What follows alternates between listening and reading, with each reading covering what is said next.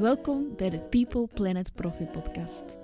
Mijn naam is Eva Balemans en met deze podcast wil ik je inspireren om in actie te schieten en samen een duurzame wereld op te bouwen. Op vlak van mens, de planeet en winst. Welkom Caroline bij de People Planet Profit podcast. Ik ben blij dat ik hier ben. Jij bent de founder en CEO van Dresser. Laten we beginnen bij het begin. Wat is Dresser? Hey Eva, uh, zo blij dat jij vandaag met mij wilt babbelen. Ja, top. Welkom. um, Dresser is een leenplatform voor consumenten, voor kleding en accessoires, uh, dat vooral um, Belgische onafhankelijke modelabels aanbiedt momenteel. Um, dus het laat eigenlijk die consument toe om variatie te brengen in hun garderobe op een verantwoorde manier. Oké, dat is kei tof. Je zegt dan meteen variatie in de garderobe. Uh, waarom is dat zo belangrijk? Wel, het is, uh, ik vrees een beetje dat we door de fast fashion cultuur gewoon zijn om veel te variëren. Hmm. Um, we kunnen eigenlijk voor heel weinig geld kleding kopen, het een aantal keer dragen en dan ofwel dragen we het niet meer, of we geven het weg, of het wordt weggegooid. Hmm. Um, dat is eigenlijk een systeem waar we in vastzitten. Dus um, ik denk ook bij de oplossing dat het goed is om dat te omarmen. Mensen willen variatie. Um, en en da daar, daar biedt Dresser dan een alternatief voor eigenlijk die fast fashion uh, cultuur van kopen, kopen en uh, veel afval creëren. Ja. En, en hoe lost Dresser dat dan op? Wel door um, een item uh, in levensduur te maximaliseren. Dus mm. dat mhm. het item zo lang mogelijk gebruikt wordt. Omdat het altijd naar andere mensen gaat, blijft het ook nieuw voor die mensen. En gaan ze het ook veel dragen. En dat is eigenlijk het tweede voordeel van zo'n circulair model dat is ehm, het aantal draagbeurten. Mm. Dat is eigenlijk de belangrijkste manier om te meten of een item een positieve ecologische impact maakt. Mm. Bij verkoop van een item wordt een item gemiddeld tien keer gedragen. Bij verhuur is het potentieel veel hoger. En natuurlijk, hoe meer één item wordt gedragen, als je dat uitvergroot, dan is er veel minder nood aan nieuwe productie van items en creëert je ook minder afval. Want inderdaad, fashion heeft echt wel een grote impact. Absoluut. Uh, er is een uh, hele hoge druk op um, de productie van hmm. nieuwe items. Uh, en er is heel veel afvalcreatie, zowel door de industrie als door de consument. Ja. ja, ik heb ook wat cijfers over gevonden. 85% van alles dat, dat we produceren wordt ook elk jaar gedumpt. Hè? Dus mm -hmm. daar um, wordt niet gerecycleerd of zo, dus dat is heel veel. Um, algemeen, ik denk dat jij, jij zei ook nog eens cijfer dat het de tweede slechtste industrie voor de planeet is. Dus dat het uh, naast de olieindustrie echt wel heel veel impact heeft. Dus het is wel echt belangrijk dat we er iets aan doen. En dan ben ik blij dat er platformen zoals uh, Dresser bestaan. Hoe bent jij er zelf aan begonnen? Waar is, die, waar is die passie voor duurzaamheid en ook voor fashion van gekomen? Um, het is eerder begonnen bij een interesse in mensenrechten. Mhm. Ik heb uh, criminologie gestudeerd, lang geleden. Ja. um, En dat is altijd wel een interesse gebleven. Um, en hoewel ik zelf vroeger ook wel in fast fashion ketens kledij heb gekocht, er werd meer en meer duidelijk over mensenrechten schennis. Mm. En uiteindelijk is dat dan ook uh, breder geworden en ben ik gewoon geïnteresseerd um, in, in duurzaamheid ja. uh, als, een, als een totaalconcept. Um, en mode, dat is ook iets dat, dat mij altijd al heeft geïnteresseerd. Um, ik heb ook een tijdje modeontwerp gestudeerd in ah, de school. Tof. Uh, ik was zo vroeger degene die zo knipte in haar broeken en zo om uh, En altijd tweedehandswinkels uh, afzocht naar unieke stuks. Dus uh, dat is altijd wel een interesse geweest. Um, maar um, ik heb ook ontdekt dat de creatieve kant uh, misschien minder mijn talent is. Uh, en ik, ben, ik heb ook business gestudeerd na criminologie. Um, en, en deze brengt eigenlijk een beetje alles samen. Ja, nee, dat is waar. Dat is kei tof. En sustainability, je zegt dan mensenrechten. Hoe, hoe zit dat dan vandaag in de, in de fashion-industrie? Ja, dat gaat vooral uh, over het productieproces. Hm. Dus dat er in lage loonlanden veel kledij wordt geproduceerd. Um, en ja, er zijn wel een aantal um, zaken problematisch, zoals kinderarbeid, mensen hm. die worden uitgebuit. Eh, in heel slechte werkomstandigheden uh, moeten werken. Um, dus vandaar ook allee, dat wij eigenlijk wel focussen op, op lokale merken, omdat die productie ook lokaal is en omdat we dan eigenlijk gewoon zeker weten dat het ethisch gemaakt is, het artikel. ja. ja. Ik ga meteen een klein beetje met wat drama uh, tussendoor beginnen, want ehm, er was onlangs ook een artikel in The Guardian waar je ook op hebt gereageerd op LinkedIn, dat eigenlijk uh, het, het huren van kleren toch niet zo supergoed is voor uh, de, de planeet en dat er veel bedrijven daar rond greenwashing doen. Hoe is Dresser daar anders? Of hoe proberen jullie toch die um, impact op de planeet lager te houden? Ja, ik ben wel blij dat je dat aanbrengt. Uh, heel veel mensen hebben me toen dat artikel gestuurd in paniek van oei oei. Uh, nu, voor, voor, mij is het heel goed dat er over wordt gesproken en Mhm. dat er aandacht gaat naar, naar, uh, naar verhuurmodellen. Um, en deels is het zeker zo dat uh, verhuurmodellen niet altijd groene modellen zijn. Mm. Um, we hebben twee modellen van dichtbij bestudeerd. Um, Rent a Runway in de US en Y-Closet in China. En bijvoorbeeld, die concepten zijn ook aangepast natuurlijk aan, aan de, de, consumenten daar en aan de, de, lokale cultuur. Maar bijvoorbeeld bij Y-Closet in China kan, kan een klant um, eigenlijk binnen de twee uur een, een item hebben ge, ja, Ja. thuis, thuis Ja. geleverd krijgen. Um, en dat zijn natuurlijk dingen die we hebben bekeken van oké, hoe kunnen we in ons model zorgen dat we wel een positieve ecologische impact maken met ons concept. Um, en we hebben daarbij um, tijdens dat proces ook hulp gehad van Vito. Mhm. Uh, en zij doen eigenlijk lifecycle assessments. Dus ze hebben ook een impactberekening gemaakt voor Dresser. Um, er zijn vijf belangrijke variabelen om eigenlijk te weten of dat je op het niveau van een item een positieve ecologische impact uh, creëert. Uh, en één daarvan is transport. Nu, um, het feit gewoon, gewoon dat wij al met lokale merken werken, betekent dat dat item, voordat het bij Dresser komt, al niet te veel afstand heeft afgelegd. Want je Mm. moet eigenlijk naar de hele levenscyclus kijken van zo'n item. Uh, dus dat is natuurlijk al positief. Um, en dan, als het gaat over ons operationeel proces, werken wij met een plaatselijke wasserij. Ah ja. Um, en um, ik denk het belangrijkste, zeker voor consumenten die luisteren, we, we gaan eigenlijk uh, de items bezorgen aan de consument en ze gaan die minimum 25 dagen houden. Mm. En pas na 25 dagen is er de mogelijkheid om het item te ruilen. En dat maakt dat we eigenlijk idealitair maar twee keer transport per maand per klant hebben. Ah ja. Ja. Dat is een beetje de belangrijkste beslissing daar geweest. Dan nog een beetje kort, uh, materiaal is heel belangrijk. Um, dus we gaan kijken naar kwalitatieve designs uh, die lang kunnen meegaan. Ja. Want dat is ook vaak het probleem met fast fashion uh, kleding. Het is die rap eigenlijk... kapot, hè? Ja. Voilà, het is rap kapot. De bedoeling is natuurlijk bij Dresser om de levensduur van die items Ja. echt te maximaliseren. Um, dus het moeten items zijn die kunnen gewassen worden, um, die kunnen hersteld worden. Um, en dat is toch ook iets waar dat we op letten bij, bij de keuze van de items. Mm. En dan heb je ook uh, een factor, en dat is de einde leven oplossing uh, Mm. van een item. Ja. Wat gebeurt er bij einde leven? Ja.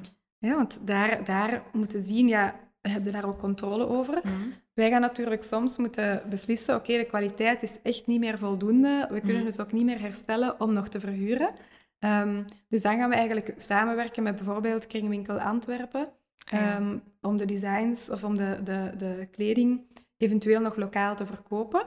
Ja. Uh, en anders hebben zij ook heel goede recyclagestromen uh, of kan het eventueel geupcycled worden. Oké. Um, maar onze doelstelling is uiteraard circulariteit voor, voor al Ja. die items. Maar ik vind het wel interessant hè, om te zien, in het artikel zeggen ze, ah, het is toch niet zo duurzaam, maar het hangt er gewoon vanaf hoe dat je het doet. En ik denk dat er bij heel veel dingen is in duurzaamheid, dat het niet per se is van ah, eh, plastic versus papier of zo, maar het is gewoon... Het, is zo'n groter verhaal dan, dan eh, wit of zwart. Dus ik ben dan heel blij dat je het keihard hebt onderzocht. Eh, Ja, dat is, dat is wel een heel goed punt, want ik denk ook, als je als bedrijf al bestaat en je zit met processen mm, die al heel lang zo lopen, ja. is het denk ik moeilijk uh, om, om nog iets anders te doen dan zeg maar pleisters Mm, of zo, um, om te proberen die impact nog om te keren. Het voordeel dat wij hadden was natuurlijk dat we alles nog konden bedenken.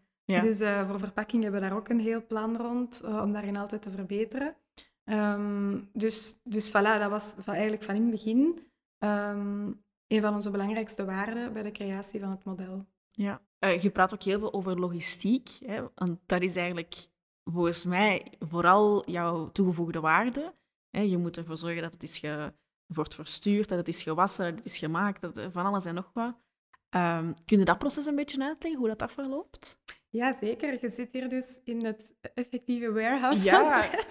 Ja, en het is heel mooi, mensen. Het is mooi in Antwerpen. Een oud... Ja, wat is het? Een ja, het is eigenlijk een, een, een loft die 16 jaar geleden werd gerenoveerd. Maar plots eigenlijk is de renovatie stopgezet. Dus we zitten hier nog een klein beetje, deels in, in renovatie en in werken. En deels is het eigenlijk gewoon een, een open ruimte. Het is heel echt simpel. een start-up ruimte. Ja, voilà, echt een start-up ruimte. Um, we moeten ook zien dat het zelfs niet donker wordt buiten, want dan gaan we hier ook een probleem hebben. Oké, er is geen verlichting. Oké, maar ik heb al een kaarsje gezien, ja. dus... Uh, ja. Voilà, we houden het gezellig. Ja. Um, hoe werkt het? Dus de, de uh, huurder kiest een aantal items ja. Uh, op basis van het abonnement dat ze nemen. Um, ik krijg dat uiteraard toe, die bestelling. En dan ga ik de, de items hier in één verpakking samenbrengen.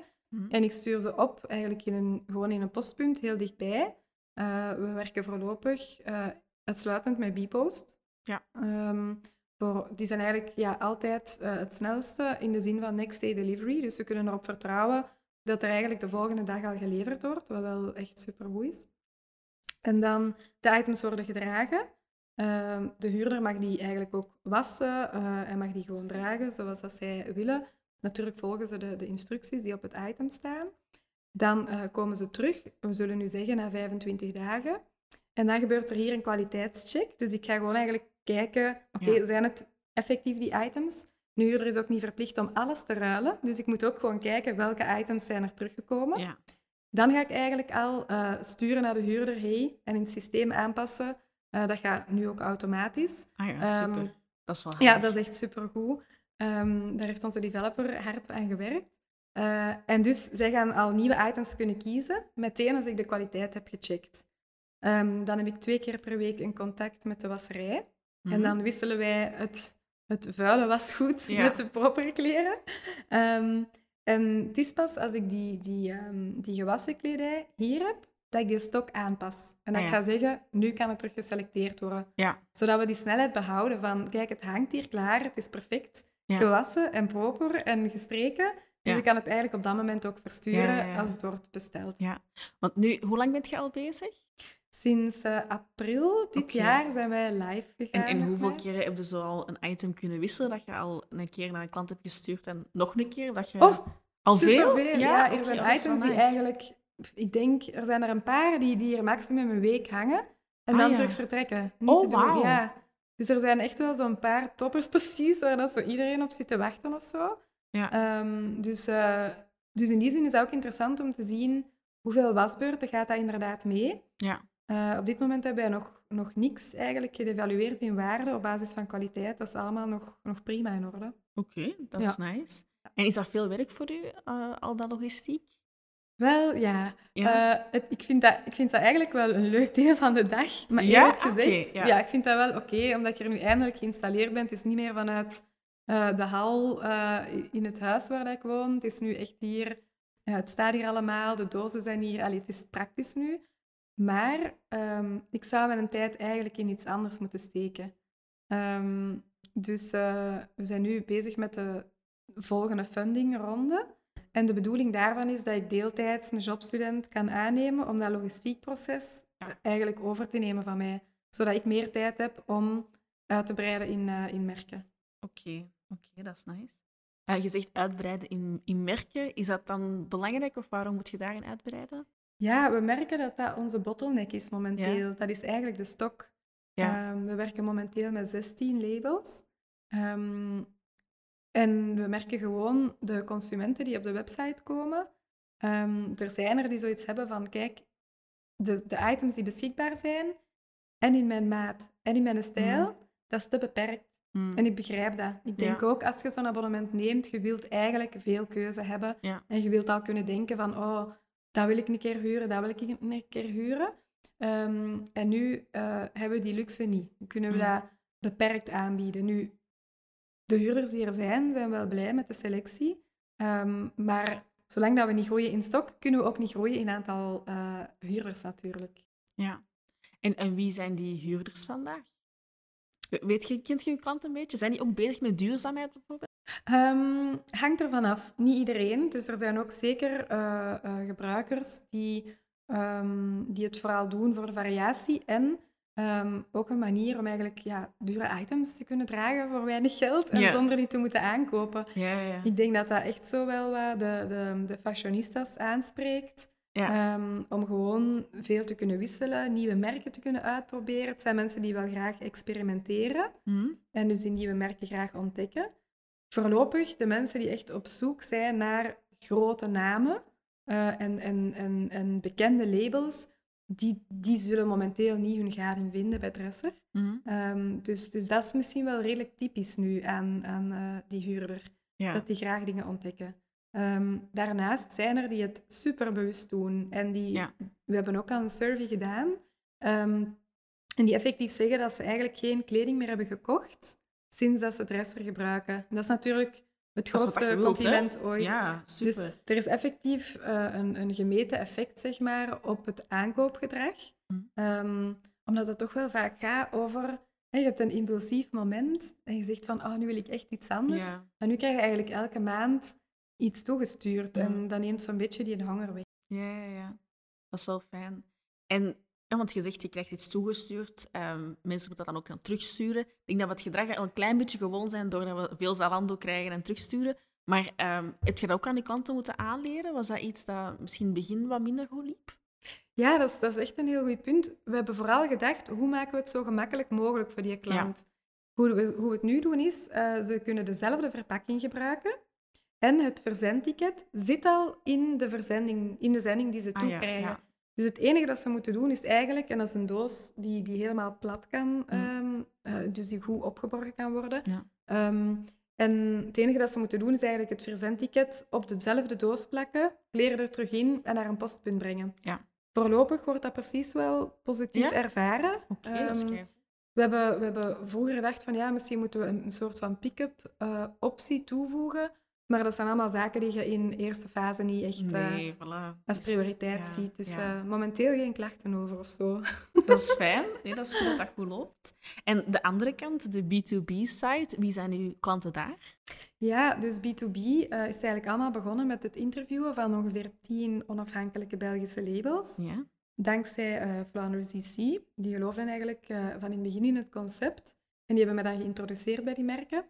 Um, en nu momenteel, die 16 labels die meedoen, zijn zeg maar eerder jonge labels. Hmm. Ik zal zeggen, uh, ik denk maximum, ik hoop dat ik niks verkeerd zeg, uh, maximum vijf jaar dat ze Oké, bestaan, ja. tot uh, labels die net zijn opgestart. Ja. Zo zijn er een paar juwelenmerken die echt net zijn opgestart, die ook al bij Dresser zijn.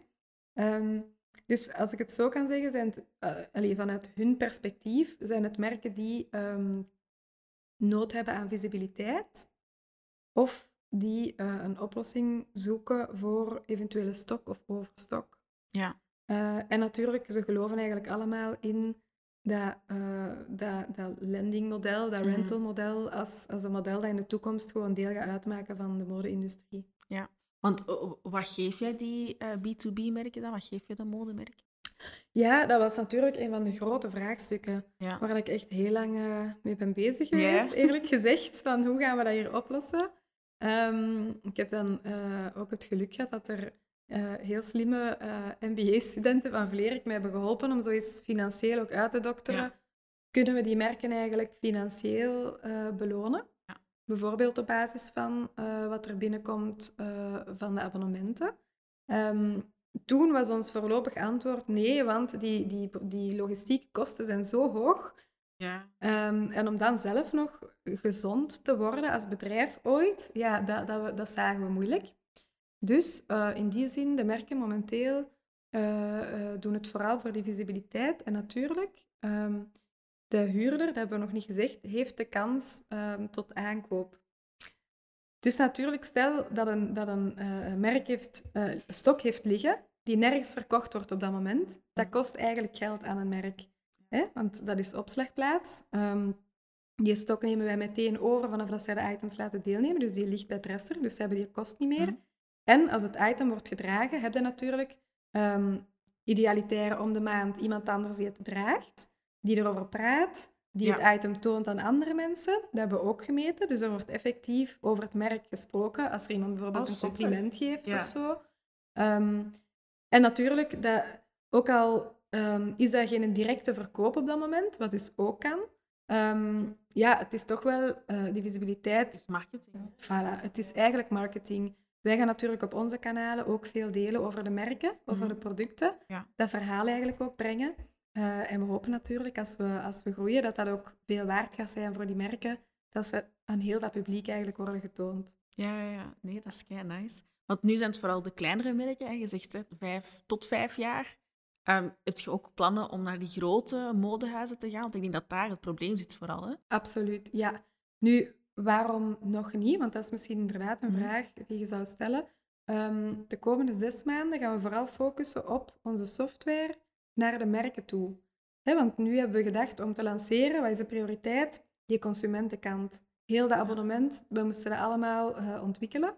Ehm, dan hebben we gewerkt aan eh, de interne software voor Dresser, zodat dat allemaal een beetje geautomatiseerd eh, werd. En de derde stap is nu, hoe gaan we echt een goede oplossing maken voor merken, zodat een groot merk kan zeggen, oké, ik ga hier een 200-tal stuks bij Dresser zetten, maar we gaan zo'n groot merk niet kunnen vragen, ah ja, vult eens manueel Ja, ja, een Google. Sheet in eh, met alle details van die items. Dat gaat natuurlijk niet. Nee.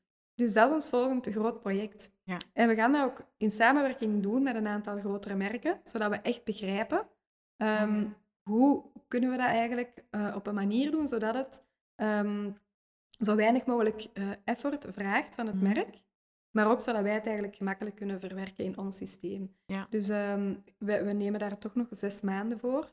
En, en zo gaan we denk ik tot een oplossing komen eh, om die grote merken ook te kunnen bedienen. Want het is zoals gezegd, als we echt impact willen maken, moeten we ook eigenlijk de merken betrekken waar dan nu de grootste problemen zitten. Ja. En je zegt, je hebt er al merken die, die willen meedoen aan dat project? Of, Goh, eh, Ehm, concreet nog niet echt, ehm, maar ik heb wel gesproken met bijvoorbeeld ehm, ja, de, de grotere merken in België, ja. ook internationale merken. En, en ja, ik, ik, allee, ik ben er wel redelijk zeker van dat er een openheid gaat zijn om bijvoorbeeld eens geïnterviewd te worden, zodat wij beter het eh, begrijpen. Ja. Met welke software werken ze nu? Wat verwachten zij juist? Mhm. Ehm, dus, eh, dus in dat opzicht, ehm, ja, ik zeg het, is dat iets dat hoog op de agenda staat bij Ja. ons. Want dat, dat stokprobleem, hè, kunnen daar een cijfer op plakken of zo? Of, of ehm, hoeveel stok is er vandaag dat eigenlijk niet wordt verkocht in de winkels en dan uiteindelijk misschien wordt weggegooid? Die aantallen, dat, dat weet ik niet zo. Dat is nu ook zo niet, en zeker niet bijvoorbeeld voor België. Ik weet ook niet of dat die cijfers zo, Ja. zo eh, bekend zijn, of dat, of dat dat ook een cijfer is waar merken mee, mee willen naar buiten komen, dat weet ik niet. Maar ik weet wel, ik sprak onlangs met ehm, een retailer hier in de buurt eh, en aan de praat geraakt. En zij zei zelf van, ehm, als zij items aankopen en dus eh, met overschotten zitten, hoe dat het nu geregeld is in België, ehm, is het eigenlijk het goedkoopste om het te laten verbranden. Dus eh, je moet ook niet betalen als je items eh, verbrandt of vernietigt. Maar je moet wel betalen als je ze bijhoudt, want dan moet de BTW betalen op die, op die items. Dus Ah. dat is echt allemaal het heeft ook een met verhaal. fiscaal systeem en zo. Oh, Het heeft dat zeker te maken met regulering. Dus gelukkig, Ja. Europa is daar heel hard mee bezig. En België gaat zich ook moeten schikken naar de Europese regelgeving Mm. daar rond. Ehm, dus, eh, dus voilà, het is zeker eh, een groot probleem nu, eh, hoe, dat, hoe dat loopt bij de meeste merken en retailers. Ja. We hebben, we hebben al veel verteld. Hè? Je hebt al gepraat over, ja, over heel je merk en hoe dat, dat impact maakt en zo. Je hebt vandaag ook ehm, wel wat stagiairs en zo. Hoe, hoe loopt die samenwerking daar? Ja, inderdaad. Ehm, ik denk dat wij vanaf, ja, vanaf januari eh, is er een marketing intern gestart. Ehm, en dan eigenlijk is er altijd opvolging geweest met een klein beetje overlap, dus Mhm. ideaal. Ehm, en ik heb in december eh, ja, eigenlijk een, een, een vacature gelanceerd. En toch wel, denk ik, twaalf interviews gedaan. Ja. Dat is ook een beetje met een achtergrond. Dus ik vond het echt wel heel Ja. belangrijk om iemand te vinden, vooral met de juiste motivatie. Ja. En iemand die misschien toch al een klein beetje introductie heeft in, eh, in het onderwerp. Ehm, en dat is tot nu toe super goed gelukt. Dus Oh, dat is wel ik heb uh, zoveel aan, aan, de, aan de interns. Ja, echt, die brengen ook altijd hun eigen ding. Die mogen ook heel autonoom werken van mij. Ik heb niet liever. Ehm, en daarnaast vooral is er een digitaal team natuurlijk. Ja. Dat sinds januari ook ehm, ja, eigenlijk hard heeft gewerkt aan de Dresser, aan de Ja. oplossing. En dat is toch ook een team van drie mensen. Ah ja, en ben je die fulltime voor eh, dressen? Nee, dat zijn Ja. zelfstandigen die eigenlijk afhankelijk van de nood die er is, Ja. eh, een aantal dagen per week werken. Maar eh, zoals ik daar juist zei, die, de ontwikkeling van de B2C-kant Mm. was toch wel vrij intens. Mm. Eh, en met een, een redelijk optimistische deadline. Dus toen was dat echt wel ehm, de UX'er, de designer, die werkte ehm, eerst voltijds, dan vier dagen per week. En de developers hebben toch ook een tijd echt wel ja, redelijk intens gewerkt aan de oplossing. ja, maar ik vind het wel een heel ehm, mooi platform. Het is Ah, het dat ziet vind ik ook- fijn. Ja, nee, ik vind, en ik vind het ook inderdaad... eh, ik werk nu zelf ook op, eh, op een website. Ehm, qua UX zit het inderdaad goed in elkaar. Het Ah, is mooi, het volgt elkaar mo- mooi op. Het is rustig en ehm, ja, niet te veel tralala. Daar hou ik wel van. Exact. gewoon, we zijn een eh, platform. ja, we willen niet onze eigen identiteit te hard naar voren schuiven. Dus dat was eigenlijk in het begin de, de Ah briefing. ja, zo. Oké, ja. Ja, we willen eigenlijk de merken laten spreken en een vrij neutraal platform zijn. Ja. Vandaar zo wat minimalistisch. Maar eh, ze zal zeker heel blij zijn dit te horen. Ja, Ze is voilà. echt, eh, ze is echt super, super goed in haar job. Ja. Ja. Super. Ehm, en, want je bent zelf je bent een start-up. Ehm, jij moet alles trekken en zo. Hè. Hoe voelt dat vandaag? Lukt dat een beetje? Dat je... eh, Want je, moet, je staat 's ochtends op en jij moet het doen, hè? Mhm. Ja, dat is zeker niet het plan geweest of zo. Nee? Eh, nee, ik, allee, ik, ik sta ook zeker open voor een, een partner in deze bedrijf. Ehm, niet omdat ik echt, zeg maar, op een punt zit dat ik, dat ik de stress niet aan kan of zo. Maar puur praktisch denk ik gewoon, ja, we gaan echt wel sneller kunnen groeien. ja. Ehm, als ik een aantal dingen gewoon kan overlaten aan iemand anders, een paar verantwoordelijkheden. ja. Ehm, en ja, het is wel het is, het is waar wat dat je zegt, maar tot nu toe ehm, heb ik dat nog nooit erg gevonden. Ik Maar was vandaag, om te horen. ja, ik was vandaag na een week in Frankrijk, waar ik een paar meetings mee heb gehad eigenlijk, ehm, terug allee, de, de items gaan wegbrengen en de proper items gaan halen. En ik, ik zei echt zo luid op tegen mezelf, zo, oh, ik vind dat job zo leuk. dus nee. Ehm, nee, voorlopig nog geen problemen gehad, maar ik zeg het, het zou ja, toch wel handig zijn. Je weet ook nooit, hè. Als je Ja. eens even uitvalt of zo, ja, allee, ehm, het idee dat, dat dat misschien gewoon niet, niet vanzelf verder gaat, waar dat ik van uitga, dat is wel, ehm, dat is wel wat moeilijk natuurlijk. Ja, ja, ja. Nee, maar wel goed om te horen dat je het wel heel graag doet. En dat Ja, zie je ook wel, dus dat is wel fijn. Dat is wel fijn. Gaat nu het laatste onderdeel, de profit. Ja. Ehm, heb je een beetje zicht op hoeveel dat jullie moeten groeien, hoeveel klanten dat je erbij moet hebben voordat je break-even draait? Ja, ja ehm, qua timing alleszins zou dat eh, tegen eind volgend jaar al kunnen. Oké. Ehm, alles hangt een beetje af natuurlijk van... in, uw, in uw financieel plan moeten we natuurlijk een inschatting maken van...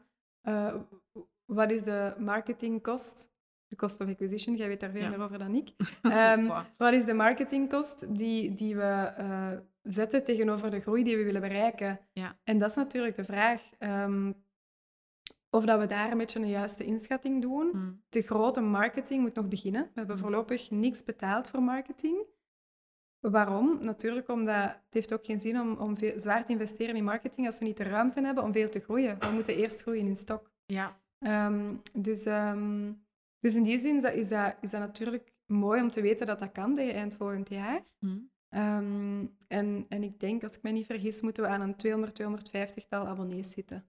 Oh, dat valt wel Ehm, dus dat is eigenlijk ja. niet eens eh, extreem... Ja. ehm Allee, zot of zo. Nee, of ja. Maar dat is, al, 250 dat is al... Dat is veel, hè? Dat is maar in het begin, maar- nog in het begin, die Ja. cijfers, hé, van dat was... Oh ja, na zes maanden zitten we aan 1500 abonnees. Echt niet te doen. Dus nu weet ik gewoon wat dat inhoudt. Om Ja. echt een abonnee, abonnee te kunnen bedienen. Ehm, ja, je moet echt veel kwalitatieve items in huis hebben. Ja, en ook qua tijd voor u. Weet je hoeveel tijd dat je spendeert aan één abonnee om dat allemaal in orde te krijgen, qua logistiek en zo? Ehm, ja, natuurlijk. eh uw tijd wordt veel efficiënter naarmate dat je groeit in abonnees. Ja. Want die twee contactpunten met de wasserij blijven dezelfde contactpunten. Dat wordt ook niet meer, tenzij dat we heel veel groeien en dat ik zeg van hé, hey, dat is hier elke dag een heel, een heel eh, ehm, aantal kleren. Um, dus dat is het voordeel. Als we groeien, kan onze unitkost, zeg maar, dus onze kost, we hebben dat gemeten per item, niet per mhm. abonnee, ehm, kan dat potentieel uh, eh, 3,50 euro uh, dalen per item per maand. Maar dat is eigenlijk op het bedrag, hè, op het totaalbedrag, dat is een heel groot aandeel. Mhm. Dus um, hoe meer we groeien, hoe efficiënter we ons kunnen organiseren. En, en voilà, en hoe sneller het kan gaan. Ja, nee, super. Um, mijn laatste vraag voordat ik alles afrond. Waar zie jij de mode-industrie nog naartoe gaan en hoe denk je dat dat moet evolueren? Oeh, dat is een heel grote vraag. um, ik denk dat de mode-industrie voor een deel, want zeker nog niet alle bedrijven zijn daarmee bezig, um, ja, zich een beetje aan het uh, aanpassen is of aan het heruitvinden is zelfs. Um, ik denk ook dat een van de redenen is de, de, de, de veranderende uh, economische situaties, uh, waar dat ze bijvoorbeeld nu niet op voorbereid waren met mhm. COVID. Uh, dus dat ze ook beseffen van, hey, misschien moeten we een, een, een ander soort businessmodel hebben, dat niet enkel op die pure verkoop gebaseerd is. Um, maar langs de andere kant, ik was in de Digital Fashion Week een aantal weken geleden en zoveel bedrijven zijn nog totaal niet bezig of met het idee van, van verhuur of, of, uh, of om mhm. bijvoorbeeld zelf kledij terug te nemen, daar opnieuw iets mee te maken.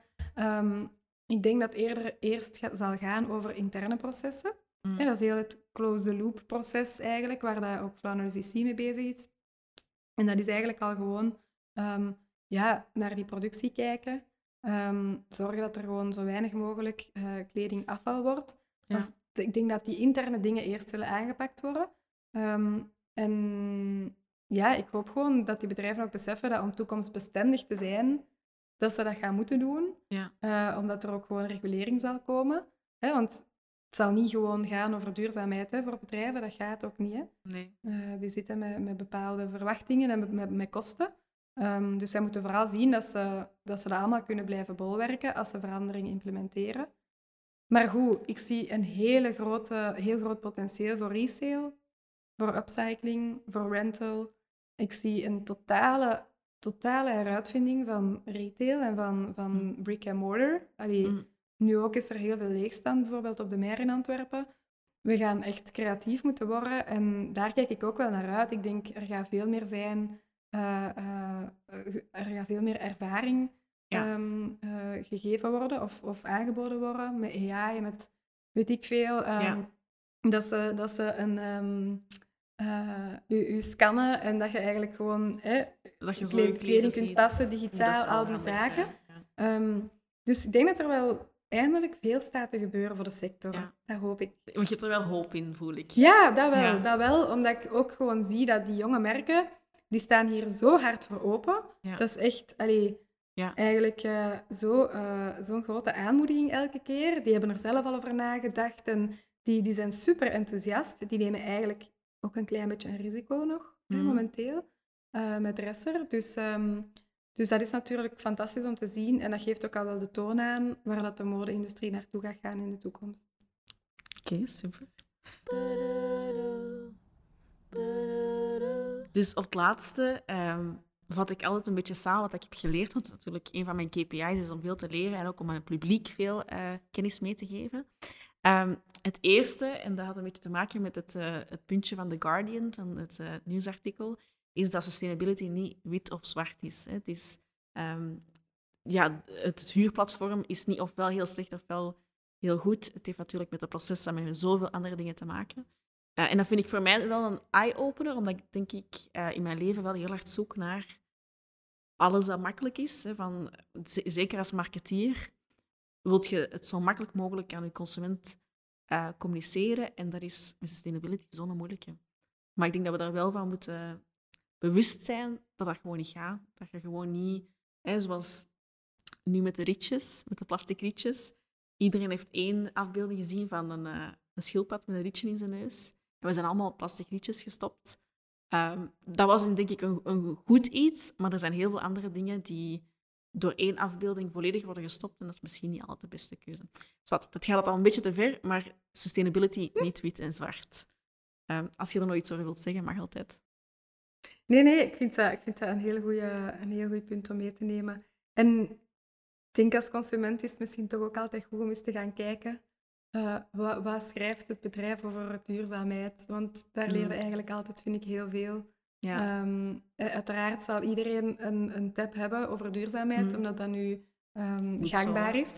Ehm, maar eigenlijk leerde heel veel over... Als bijvoorbeeld een modemerk dat ik bekijk niet zegt waar een product geproduceerd is, ja, allee, dan denk ik al van, ja, dat is wel zeker een vraag die ik ga stellen. Ja. Want als je dat niet zegt, dan, dan denk ik, ja, wie weet is iets dat je liever niet vertelt. Ja, ja. Um, dus in die zin kritisch zijn natuurlijk. Want daar ook, de merken waar je mee samenwerkt, ik denk ook dat ze niet ja, volledig duurzaam, dat mhm, gaat niet. Mhm. Hè. Er zijn altijd wel dingen dat ze moeten uh, compromisen, wat zeg je in het Nederlands? Uh, Absoluut, klopt. En eerlijk gezegd, daar heb ik het misschien uh, nog wat, ja, ik ga niet zeggen moeilijk mee, maar ik moet me wel nog even aanpassen aan het idee van, ik ga wel met merken nu ook praten, hè, de grotere merken, waar dat de echte problemen zijn. Dus de echte confrontatie voor mij, die moet nog komen. En nu was het altijd zo fijn, merken die compleet mee zijn met duurzaamheid, die dat over heel de lijn doen. Ehm, maar natuurlijk, ja, ik ga inderdaad met merken werken die, die, die wij juist gaan helpen om de positieve ecologische impact te maken. Hè? Ja, ja, uh, dus daar ga ik denk ik nog wel uh, verschieten misschien, van bepaalde zaken. Ja. Maar, uh, maar, belangrijk inderdaad, het is daar waar dat de grote impact zit. Hè? Dus, exact. Dus uh, een ander iets dat ik ook heb geleerd is, hè, je bent heel erg gaan kijken naar wat klanten vandaag doen. Hè. Wij willen veel verandering in onze kast. En daarvoor willen we misschien wel opgeven dat we het zo eens een paar keer terugsturen. Um, maar die verandering echt gewoon een ding eeuwenlang dragen, dat, dat zie ik de klanten vandaag niet echt doen. Dus ik, ik vind het wel cool dat je um, hebt gekozen om toch het zo makkelijk mogelijk te maken om je gewoontes van vandaag te houden, maar wel op een duurzame manier. Dus ehm, dat vind ik heel cool. Is ook heel inspirerend voor andere brands die misschien zoiets willen starten. En het laatste, ja, usership. Um, alles wordt gebruikt, minder um, bezit. Uh, dat is waar we naartoe gaan. Hè. Dus dat vind ik ook heel interessant dat jij daar keihard mee bezig bent. Ja, merci. Uh, inderdaad. We zagen dat in zoveel andere sectoren. Ja. Dus we dachten, voor kleding alleen, kennen we dat nog niet echt heel goed hier uh, in België. dus vandaar. Ja, super. Merci dat je hier mocht zijn in uw, eh, in uw atelier. Jij uh, bedankt, absoluut. Ja, misschien tot de volgende keer. Ja, heel graag. Dank je, Eva. Tada. Heel erg bedankt om te luisteren naar deze aflevering met Caroline van Dresser. Wil jij Dresser zelf ook eens proberen? Moet je dat zeker doen, want we hebben nu ook een kortingscode. De kortingscode is Eva Dresser kleine lettertjes. En je moet zeker eens naar het platform kijken, want er staan zoveel leuke merken op. Echt waar. Bijvoorbeeld Ablone Wilson is een Scandinavisch Antwerps merk. Kijk toffe designs, zeker te ontdekken. Of bijvoorbeeld Olive, ehm, twee Antwerpse jonge meiden die heel sustainable werken door eigenlijk heel veel um, dingen op te cyclen.